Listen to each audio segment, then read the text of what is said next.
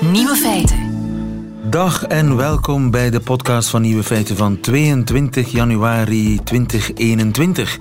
In het nieuws vandaag dat niets doen als businessmodel bestaat. Een uitvinding van een Japanner. Soji Morimoto verhuurt zichzelf al meer dan twee jaar als nietsdoener. En de zaken gaan goed. Op zijn website staat: zoekt u iemand om mee te gaan winkelen? Zoekt u iemand om een spel mee te spelen? Of iemand die voor u ergens een plaats vrijhoudt? Dan bent u bij mij niet aan het juiste adres. Wat hij wel doet, op uw zetel komen zitten. Naar u luisteren. Op een bankje samen naar vlinders kijken. En eventueel, al is dat al op het randje van het iets doen, samen koffie drinken. En het blijkt een gat in de markt te zijn. Soji Morimoto heeft drie tot vier klanten per dag en een sessie kost ongeveer 80 euro. Een professionele nietsnut die 300 euro per dag verdient, met andere woorden. Ik zou zeggen, tijd voor een carrière switch. De andere nieuwe feiten vandaag. Democraten en Republikeinen onderhandelen in Amerika over de startdatum van het impeachmentproces tegen Trump. Sander van Horen, de Nederlandse journalist in Brussel, verbaast zich over het getalm van de Nederlandse regering in de covid-crisis. En het kleurrijke seksleven van de springbok Bitsprinkhaan zou niet misstaan in Game of Thrones. De nieuwe feiten van Jo van Castiel hoort u in haar middagjournaal. Veel plezier. Nieuwe feiten. Hoe zou het intussen zitten met het impeachmentproces tegen oud-president Trump? Wel, Nancy Pelosi, de voorzitter van het huis, die wil ermee doorgaan. En gaat praten met de fractieleiders van beide partijen over de timing. We will be talking with the managers as to when the Senate will be ready for the trial of the then President of the United States for his role in instigating an insurrection on the Capitol of the United States, on our democracy, to undermine the will of the people. It's up to them to decide how we go forward, when we go forward. It will be soon. I don't think it will be long. But, it, but we must do it. We moeten er uh, mee doorgaan. Het is uh, aan de Senaat om te beslissen wanneer. Nancy Pelosi. Goedemiddag, Bert de Vroei. Goedemiddag, Lieven. Waarop wachten? Waarop wachten? Uh, er zijn allerlei strategische overwegingen die spelen. En Nancy Pelosi, als zij het alleen voor het zeggen had, zij is uh, de voorzitter van het Huis van Afgevaardigden, zoals je weet, de belangrijkste democraten daar, dan zou ze er snel mee willen doorgaan. Dan had ze misschien dat uh, article of impeachment, de in beschuldigingstelling, al doorgestuurd naar de Senaat. Van zodra ze dat doet, begint eigenlijk het proces. Dan moet de Senaat de dag daarna met het proces Aha. formeel beginnen. En dus die klacht maar ligt nog op haar bureau? Die klacht ligt nog op haar bureau. Ze heeft die nog niet doorgestuurd. En het ziet er nu niet naar uit, denk ik, dat ze het vandaag nog zal doen. En ze zal allicht wachten tot volgende week. Want de Republikeinen die vragen uitstel. Die willen dat uh, president Trump een beetje tijd krijgt om uh, zijn verdediging voor te bereiden. En bij sommige Republikeinen, diegenen die uh, president Trump zeker niet willen veroordeeld zien, zal allicht ook de overweging spelen dat hoe langer het nog duurt om eraan te beginnen, hoe meer die schok van de bestorming van het uh, Capitool twee weken geleden. De emoties zullen gaan liggen. Ja, dat de emoties gaan liggen. En je ziet het eigenlijk al bij sommige republikeinen die toen heel verontwaardigd waren, dat ze nu ook alweer anders beginnen te praten en zeggen: ja, maar het was toch niet echt president Trump zijn, fout. Oké, okay, hij heeft wel foute dingen gezegd, maar de mensen die het Capitool bestormd hebben, hebben dat op eigen verantwoordelijkheid gedaan en zo. Dus het duurt dat um, zeker in de Republikeinse fractie, als daar al bereid zou zijn om Trump te veroordelen, en die is er wellicht wel een beetje, maar dan een zou uh, verminderen. Dat is de overweging bij de Republikeinen. En uh, is er een reden ook voor de Democraten om een beetje op de rem te gaan staan? Voor Pelosi misschien niet zo erg, maar goed, zij. Uh, alleen voor de partij, maar voor de Democraten in de Senaat zeer zeker wel. Want op dit ogenblik is het zo dat Republikeinen en Democraten allebei 50 zetels hebben. Oké, de Democraten hebben, als het erop aankomt, een meerderheid. Want zoals je weet, Kamala Harris, de vicepresident, kan de doorslaggevende stem geven. Maar er moet van alles gebeuren in de Senaat. En tot nu toe hebben de Republikeinen nog bijvoorbeeld heel wat belangrijke functies in handen in commissies in de Senaat. En ze moeten dat nu allemaal beginnen te herschikken. En dus de Democraten zijn verplicht om met de Republikeinen aan tafel te zitten en een aantal dingen af te spreken. En um, Bovendien willen de Democraten en wil vooral het Witte Huis van Joe Biden dat Biden ook wel kan beginnen regeren. Hij wil ministers laten benoemen, hij wil wetgevende initiatieven laten goedkeuren, hulp voor COVID en zo. En als dat proces, dat impeachmentproces start, dan zou dat in principe wel tegelijkertijd kunnen gebeuren, maar alleen als ook de Republikeinen het daarmee eens zijn. Want dat moet dan, ja, technisch gezien, moet dat, kan dat alleen nog iets anders doen dan het impeachment proces, terwijl het impeachmentproces begonnen is, dat kan alleen bij unanimous consent. Dus dan moet iedereen akkoord gaan en dus ook de Republikeinen. Dus de Republikeinen hebben eigenlijk wel ja, leverage. Ze, hebben, uh, ze kunnen druk uitoefenen op de Democraten om toch niet al te hard van stapel te lopen en een aantal afspraken te maken. Juist, want ze kunnen ervoor zorgen dat Biden ja, niet kan vertrekken, dat zijn kabinet niet wordt goedgekeurd in de Senaat. Dat zijn kabinet niet wordt goedgekeurd in de Senaat en, uh, en dat een aantal dingen die hij snel wil laten goedkeuren, bijvoorbeeld op het vlak van hulp voor COVID of zo, uh, dat dat ook vertraging oploopt. Dat, dat ja. kunnen ze inderdaad. Er is dus nog een andere discussie ja. trouwens, zonder het al te ingewikkeld te maken. Maar je weet wat filibusteren is. Ja, de, de dat is om, om een iets debat tegen rekken, te houden. inderdaad. En in de Senaat bestaat een regel dat uh, uh, de Republikeinen, dus in principe zouden Democraten al hun wetten kunnen goedkeuren met de hulp van Kamala Harris als 51ste stem. Maar de Republikeinen kunnen het debat rekken en blijven rekken. En er zijn 60 senatoren nodig om dat uh, ja, voortdurend gerekte debat af te breken. En de Democraten zouden mogelijk overwegen om die regel te veranderen. En dat zou dus op eigen houtje kunnen, maar het zou een, een soort breuk zijn met de tradities van de Senaat. En McConnell, de republikeinse leider in de Senaat, vraagt ook nog eens belofte van de Democraten dat ze dat niet gaan doen en dat ze die regel zullen handhaven. Dus heel veel dingen die tegelijk op tafel liggen en waarmee de Republikeinen de Democraten toch wel onder druk zetten. En dat kan het proces tegen Trump ja, vertraging doen oplopen. Ja, hoe zwaar weegt de klacht eigenlijk? Het, het aanzetten tot uh, opstand en het blijven liegen over die presidentsverkiezingen. Is, is dat zwaar genoeg? Dat is uh, natuurlijk een heel zware klacht. De vraag is of je dat ook, uh, ja, of, of als je echt een proces gaat voeren met bewijsmateriaal, uh, of je dan ook genoeg bewijsmateriaal kan vinden die die klacht uh, rechtstreeks linkt aan president Trump. Het gaat om de verantwoordelijkheid van gewezen president Trump. Dat moet bewezen worden. Uh, dus dat, dat is misschien nog wel een juridische uitdaging. Ja. anderzijds, voor de Republikeinen dus He, kunnen overwegen van uh, Trump moet zijn verdediging kunnen voorbereiden en hoe langer het duurt, hoe minder kans op slagen misschien. Maar anderzijds zou je het ook kunnen omdraaien. De democraten hebben dan ook meer tijd om, die juridisch, om dat allemaal juridisch beter te staven en beter voor te bereiden. Dus het speelt altijd in twee richtingen. En zowel voor republikeinen als democraten is het echt een heel moeilijke afweging nu. Ja. En, en, echt een soort machtsspel en een soort armworstelen ja, op dit Bewijzen juridisch, terwijl het eigenlijk een politieke zaak is hè? In, het, in de Senaat. Ja. Absoluut, want dat is dan de politieke overweging. Doen we er nu goed aan om, ook voor de Republikeinen bedoel ik dan, er zijn Republikeinen en Mitch McConnell, de leider, lijkt een beetje. Zijn we jou kwijt? Hallo, hoor je? Ja, we waren jou even kwijt. De, okay, de computerlijn dus, doet een beetje moeilijk. Goed, ik, ik zei dus, er zijn republikeinen inderdaad. En Mitch McConnell, de leider, die lijkt een beetje in die richting te denken. Die misschien wel het een goed idee vinden om Trump te veroordelen. Om hem definitief, ja, om de breuk te maken tussen de partij en Trump. Om hem, om het onbeleefd te zeggen, definitief te lozen. Maar het blijft een enorm politiek risico. Want als Trump dan een eigen partij zou beginnen, ja, dan gaat dat natuurlijk in het nadeel spelen van de Republikeinse Partij. En die partij is de facto verdeeld tussen een vleugel van mensen die op de, op de lijn zitten van Trump en anderen die daar liever eh, afstand van willen nemen. Dus het blijft ook een politieke afweging, uiteraard. Ja, want twee derde van de Senaat moet akkoord gaan met impeachment. Pas dan uh, kan hij geïmpeached ja. worden en kan hij ook nooit meer president worden.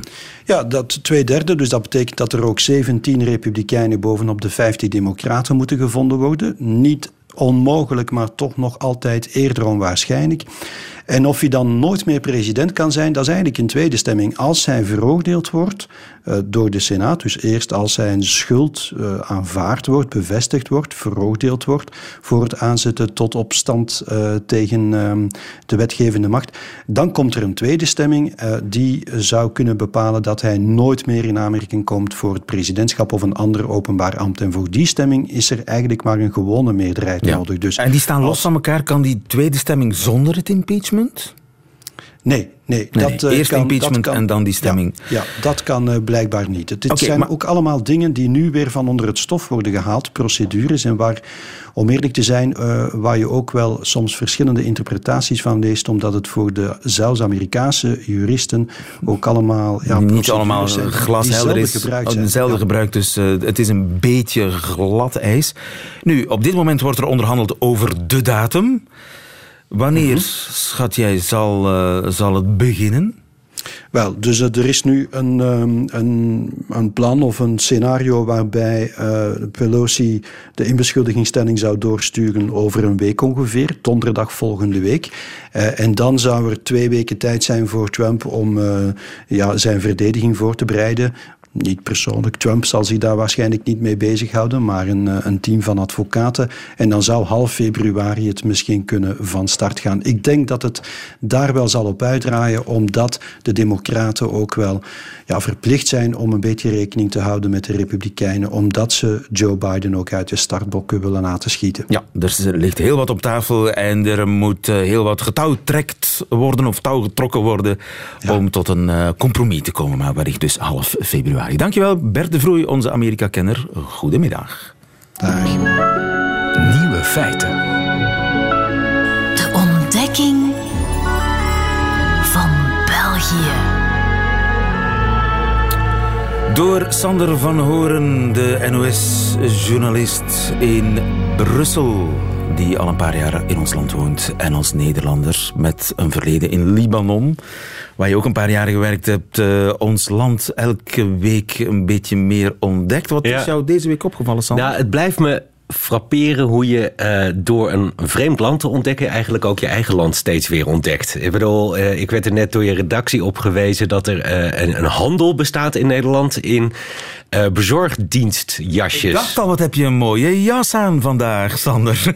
nou, maar dan, sorry, even geheel buiten de orde... maar u weet, luisteraar, dit programma heeft een webcam... en ik zou okay. aanraden, kijk eventjes naar de beelden van radio1.be... want Lieve van Houten heeft uit schaamte voor zijn niet gekapte haar haren heeft hij een pet op. En ik heb de hele tijd de neiging om YMCA te gaan aanheffen van The Village People. Zo, dus kijk Rijgang, even mee.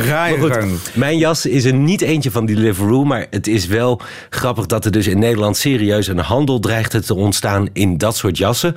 Omdat je dan kunt laten zien aan de politie, ik ben aan het werk en dus de avondklok kunt negeren. Dus dat was echt aan het gebeuren. Ja. De avondklok was er nog niet eens en er was al een, een zwart handeltje op het internet. Nou, sterker nog, wij hebben uh, bij de NOS dit, uh, deze week een reportage uitgezonden van een mevrouw die bemiddelt tussen uh, hondeneigenaren die even niet in staat zijn om de hond uit te laten en mensen die dan best wel die hond eens een keer willen uitlaten. Want nou, dat mag ook. Het is honderden keren overtekend. Ik bedoel, er zijn te veel mensen die Iedereen zeggen, wil een hond uit. geef mij een smoes om de straat op te kunnen. En het leuke is wel, Nederlanders gaan dan ondernemen.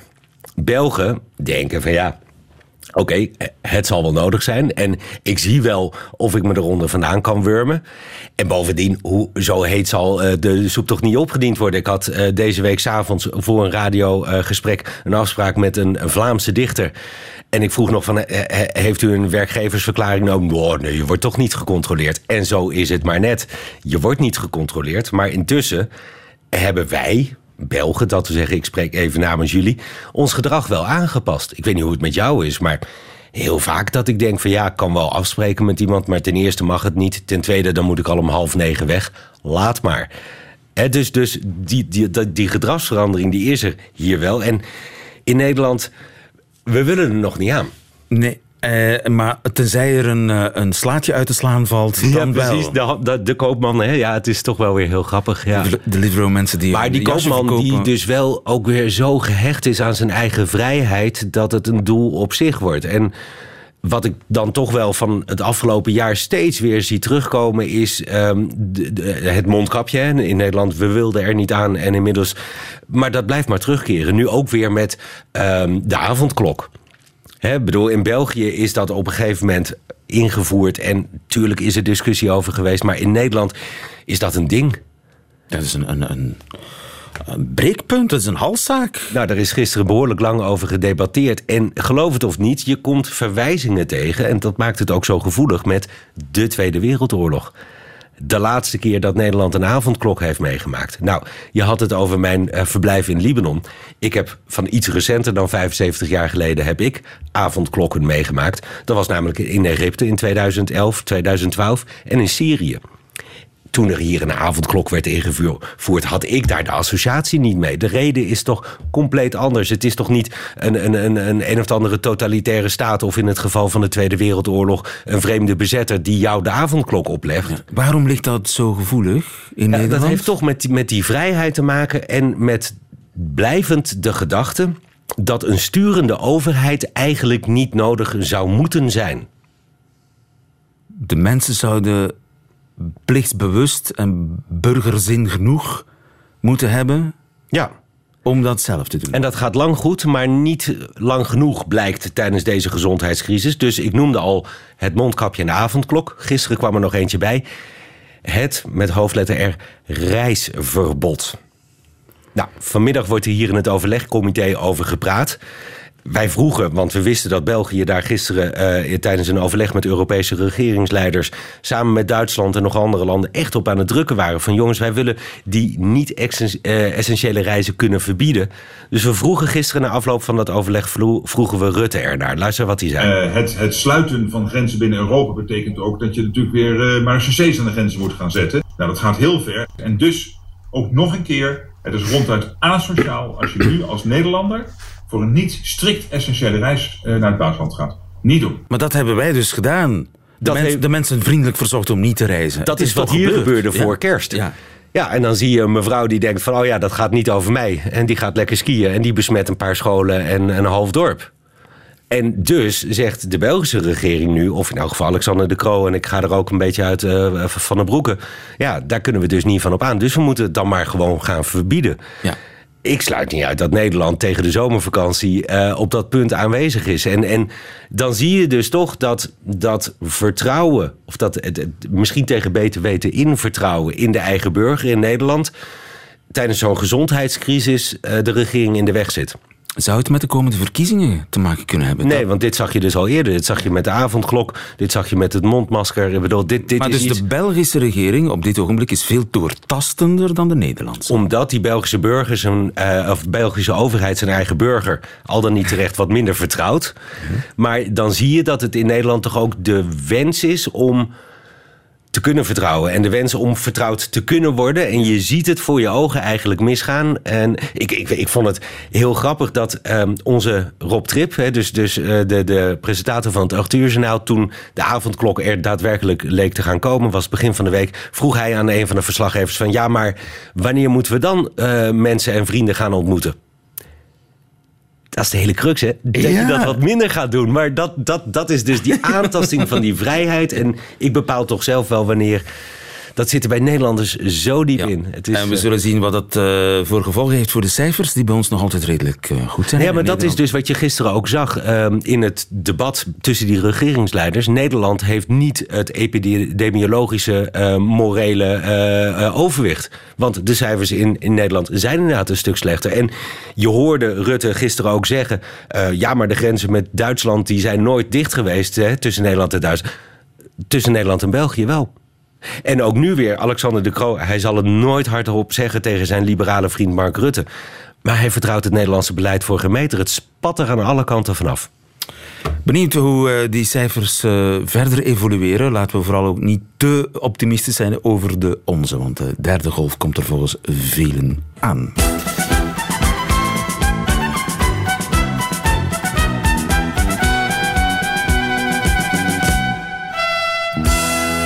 Examen Vlaams. Het is maar een beetje minder erg dan een derde golf, het examen Vlaams. Voor Sanne, ik zie zijn gezicht altijd verstrakken zodra de, de jingle... Nee, dat komt nu door de pet die je op dat is de combinatie ervan.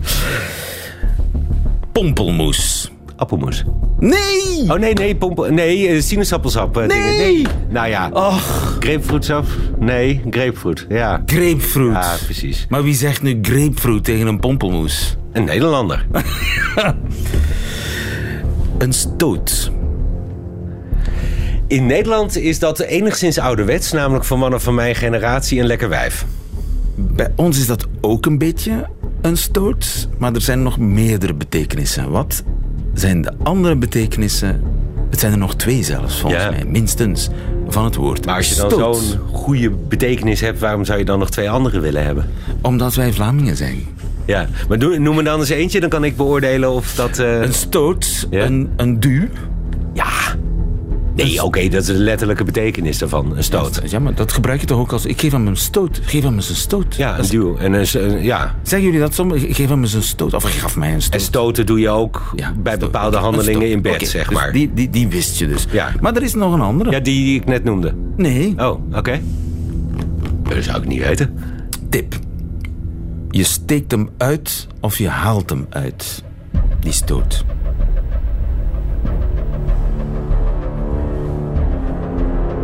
Ja, dat is geen vuistslag, want dat is meer de duw. Um, je steekt hem uit of je haalt hem uit? Ik heb een stoot uitgehaald. Hij heeft een stoot uitgestoken. Een grap of een... Maar, welke stoot heb jij nu uitgestoken? Nou, lieve, vertel het. Een stommiteit. Stommiteit, Een stoot is een stommiteit. die vertaling die kennen we dan niet. Nee. Stoot uitgehaald. Iets voor hebben. Uh, iets van plan zijn, maar dan iets ondeugends. Nee. Het komt niet goed deze week. Nee, hè? Het komt echt niet goed. Nee, het ligt aan de pet. iets voor hebben. Ja. Ja, iets meemaken, iets... Um, um, een ongelukje ah, hebben. Ik ja. heb een ongelukje hebben eigenlijk. Ik heb iets voor. Ik heb iets... Ik, ik, bijvoorbeeld, een halve pot koffie over je je kostuum. Jij had iets voor toen je vanmorgen eh, je pet opzette. Ik, ja, ik heb dat proberen te redden. ik heb geen bad hair day, ik heb een bad hair month. Wij allemaal, lief. Wij allemaal, ja, okay. het. Maar ik, ik vind het ook eigenlijk handig tegen uh, studiolampen in mijn ogen. Maar helaas, uh, examen Vlaams weer niet gehaald. Nee, hè? Nee. Weer niet gehaald. Weer terugkomen, helaas. Weer, weer terugkomen. Tot volgende week. Radio 1 Nieuwe feiten.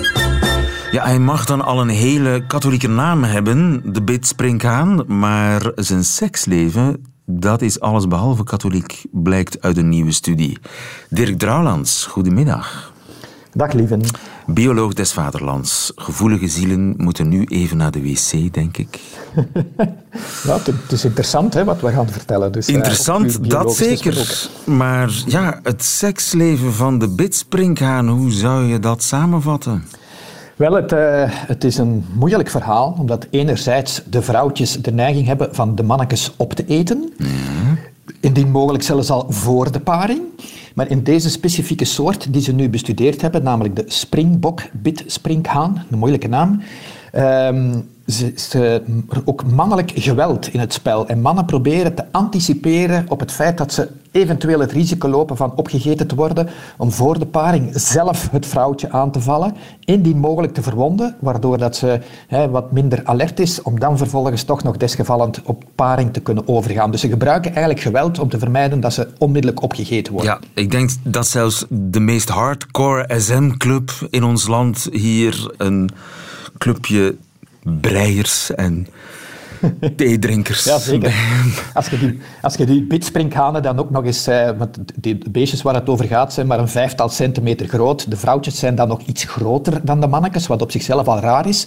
Maar de incentive van de mannetjes om ze aan te vallen is natuurlijk groot, omdat het enige manier is waarop dat ze in principe tot een paring kunnen, uh, kunnen overgaan. Maar het zijn vreselijke beesten als je die uitvergroot ziet met zo van die hele echte zware klauwachtige voorpoten. En het is daarmee dat ze dan in die worstelgevechten uh, gaan. En het grappige is, want het is biologisch gesproken een heel bizar verschijnsel, die vrouwtjes hebben in principe die paringen niet nodig, want die kunnen zich ook ongeslachtelijk voortplanten. Mhm. Maar ongeslachtelijke voortplanting is in de natuur altijd minder uh, uh, voordelig dan geslachtelijke, omdat je geen genetische variatie introduceert. Dus, dus af en toe laten ze dan blijkbaar toch eens iets gebeuren als een, een soort paring. En ze kunnen dan ook heel lang teren op die uh, zaadjes dat ze meekrijgen, want die worden in een pakketje afgeleverd, dat kan bewaard worden.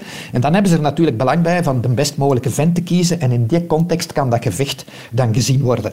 Ah, dus het gevecht is uh, bedoeld om de sterkste, de beste man eruit te halen? Dat is zo'n klassieker in, uh, in de biologie. Het is trouwens ja, mannelijk geweld in, bij de voortplanting is in het dierenrijk een courant gegeven. Hè. Het, als je ziet de, de groeps verkrachtingen van de wilde eenden of de traumatische penetratie van de bedwansen. Dus het is niet dat mannelijk geweld de uitzondering is, maar hier hebben ze het dus vastgesteld in de context van vrouwelijk geweld en dat maakt het wel speciaal. En de cijfers zijn geweldig. Hè? Ze hebben dus uh, testen gedaan met uh, mannelijke en vrouwelijke van die bitsprinkhanen die ze in een soort kunstmatige arena tegen elkaar laten vechten. In 7% van de gevallen was er geen winnaar. In 35% van de gevallen won het vrouwtje en werd het manneke onmiddellijk opgegeten.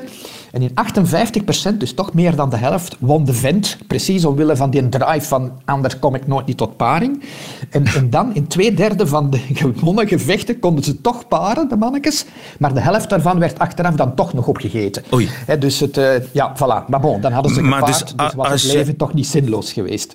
Wacht, hè, als je als man het gevecht wint, is die vrouw dan nog wel in staat om te paren? Ja, er is de, de kwestie van de verwondingen. Hè. Ze, kunnen bijna, ze kunnen zo zwaar verwond geraken dat ze eigenlijk bijna leeg bloeden, of deels leeg bloeden, waardoor dat ze toch wat suffer zijn. Maar uh, die verwondingen zijn ook niet courant. Zelfs in uh, de gevechten dat de mannetjes winnen, worden ze toch in 13% van de gevallen ja. nog opgegeten voordat ze kunnen paren hebben. Maar dus wie bepaalt dan die, die... of het gevecht voorbij is? En er kan ja, gepaard dat, worden. Ja, voilà, dat is dus, uh, de, de, het punt is dat dus de vrouwtjes eigenlijk ja, moeten op een bepaalde manier suf genoeg gemaakt worden om zich niet meer te kunnen verzetten tegen een paring. Bij spinnen is dat courant. Hè. Bij spinnen, de vrouwelijke spinnen, die zijn bijna altijd groter dan de mannetjes. En de mannetjes moeten dan van alle toestanden uithalen om toch te kunnen paren voordat ze opgegeten worden. Er zijn er zelfs bij die de vrouwtjes vastbinden met, met een soort spindraad. Er zijn er die de vrouwtjes licht vergiftigen, zodat ze niet meer kunnen bewegen. Want anders kunnen ze niet paren. En dit is voor de eerste keer dat ze dat bij insecten hebben vastgesteld, een vergelijkbaar verhaal. Je moet de vrouwen eigenlijk bijna overdonderen om tot paring te kunnen overgaan. En dan achteraf loopt er dan nog het risico hè, dat je opgegeten wordt. Maar dan is het niet zo erg, want dan heb je al gepaard. Ja, en dat opeten, dat is gewoon voedsel, proteïne ja. eten voor, ja, voor het nageslacht. Ja, sowieso, maar in de test hebben ze er wel voor gewaakt om te vermijden dat ze een eventueel groot hongereffect zouden creëren. Dus ze hebben die vrouwtjes toch wel um, ja, ze genoeg vliegen gegeten dat die eigenlijk geen honger meer zouden hebben. Dus ze hadden het niet nodig om de mannetjes op te eten. En toch gaan ze in die interactie. Dus het is sterker dan henzelf. Het moet van de natuur.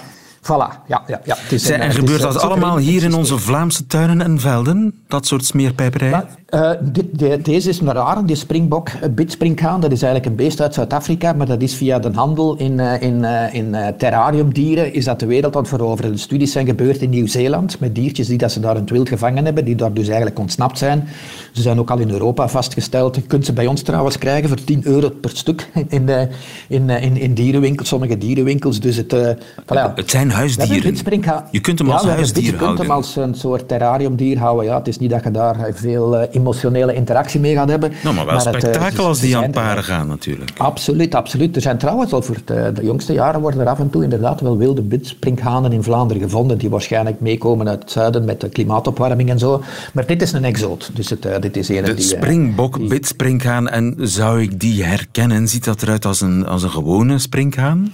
Nee, nee, bitsprinkhanen zijn geen sprinkhanen. Hè. Dus Ah. die sprinkhanen is iets dat van ver op de kakkerlakken verwant is, maar die, do- door, die zien er wel een- van ver een beetje uit als sprinkhanen. En door het feit dat die, die echte, die reusachtige klauwen, waarmee dat ze dus ook die, die, die worstelingen eigenlijk, eh, eh, vrij gewelddadige worstelingen voeren, als ze die in rust houden, is dat precies of dat ze zo devoot zitten te bidden. Met Ah, handjes vast, vastgevouwen voor een kopje. En, eh, ja, Ze bidden ook. ze bidden voor het eten. Tenminste, dat, zeggen, zo lijkt het wel. Ze zitten met de handjes gevouwen, maar eigenlijk zijn ze aan het speuren met wie ze aan cannibalisme en SM kunnen doen.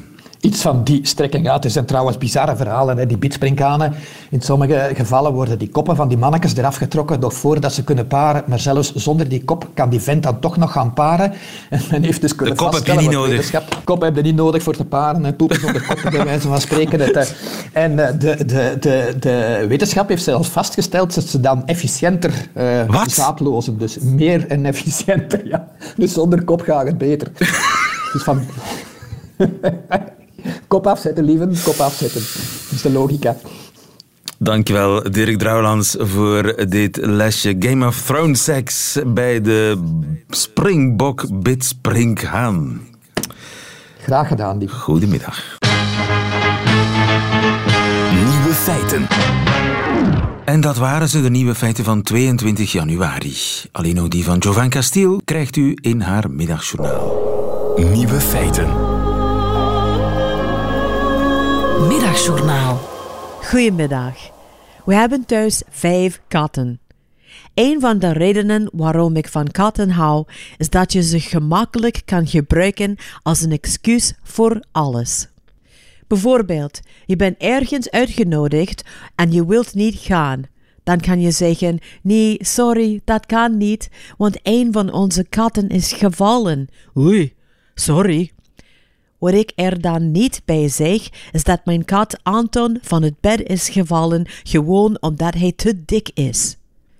Of als je een telefoontje snel wilt eindigen, zeg je: Sorry, ik kan niet meer praten, want de katten zijn aan het slapen en ik wil ze niet wakker maken.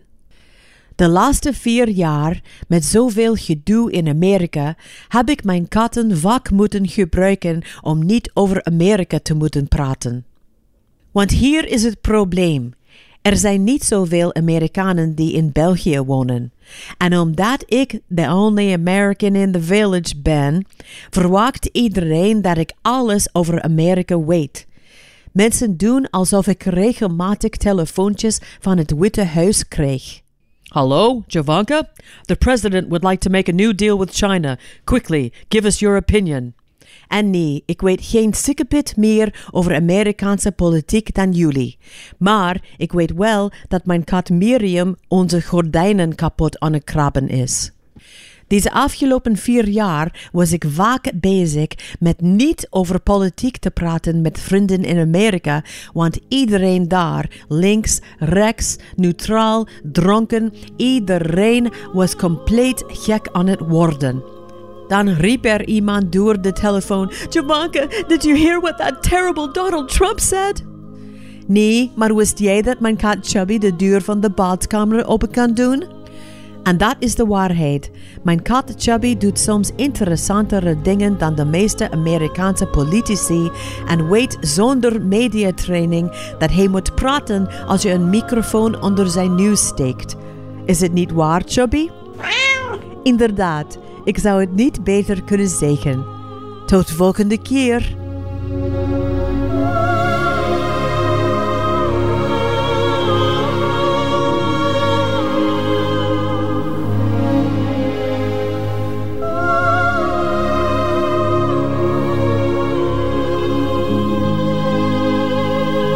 Castiel in het middagjournaal. Einde van deze podcast. Hoort u liever de volledige uitzending van Nieuwe Feiten? Dat kan via onze website radio1.be of via de Radio 1 app, waar overigens nog veel meer fijne podcasts te vinden zijn. Tot een volgende keer.